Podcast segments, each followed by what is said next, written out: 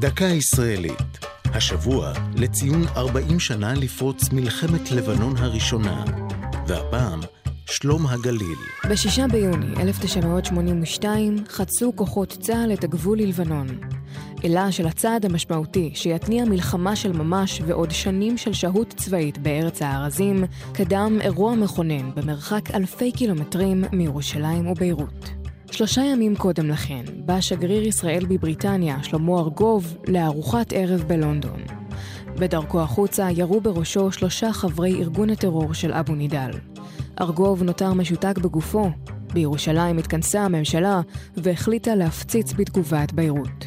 בגבול המצב היה מתוח ממילא במשך יותר מעשור, וכעת חלה הסלמה חריפה שכללה הפגזות כבדות לעבר יישובי הצפון. כל העת נחה במגירה הצה"לית תוכנית פעולה מאז שנת 79, תוכנית אורנים. במסגרתה תכנן צה"ל לפלוש ללבנון בעומק 40 קילומטר, להשמיד אמצעי לחימה שבידי אש"ף ולהרחיק את המחבלים מגבול ישראל.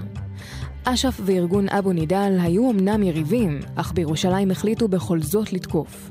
מטרות המערכה שכונתה מבצע שלום הגליל השתנו ככל שהסלימה הלחימה, והתמשכות המבצע הביאה לכך שדבק בו השם מלחמת לבנון, ולימים מלחמת לבנון הראשונה. זו הייתה דקה ישראלית על מלחמת לבנון הראשונה ושלום הגליל. כתבה והגישה עדן לוי, ייעוץ הפרופסור דני אורבך, עורך ליאור פרידמן.